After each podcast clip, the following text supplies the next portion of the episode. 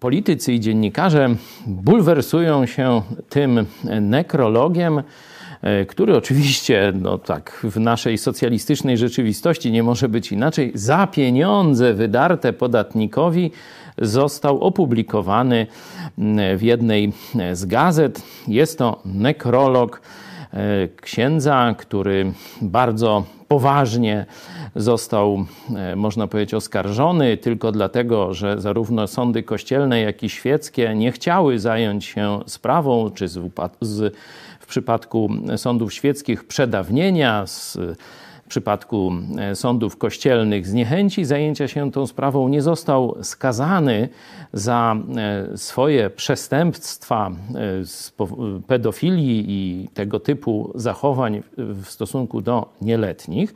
Czyli cała Polska wie o jego przestępstwach, wie, że to jest zboczeniec seksualny, dokładnie był, i po śmierci, jeszcze mówię, dzień przed śmiercią wszyscy mówili pedofil, zboczeniec i tak dalej.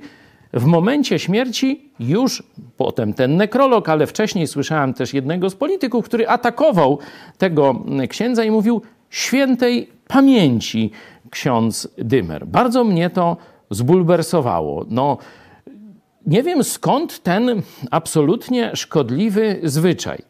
Święta pamięć to znaczy, że święte było życie tego człowieka, święte było czyny, no, były jego czyny, no i stąd y, po jego śmierci mówi się o tej świętej pamięci, czyli absolutnie nie można tego e, zwrotu brać do wszystkich jak leci zmarłych. On był wybiórczo traktowany do osób wybitnych. A zobaczcie, jak to przeszło, że dzisiaj no, zboczeńcy seksualni, krzywdziciele dzieci po śmierci od razu awansują do świętej pamięci. Jezus w Ewangelii Jana rozkazał wręcz, mówi: Nie sądźcie z pozoru, ale sądźcie sprawiedliwie.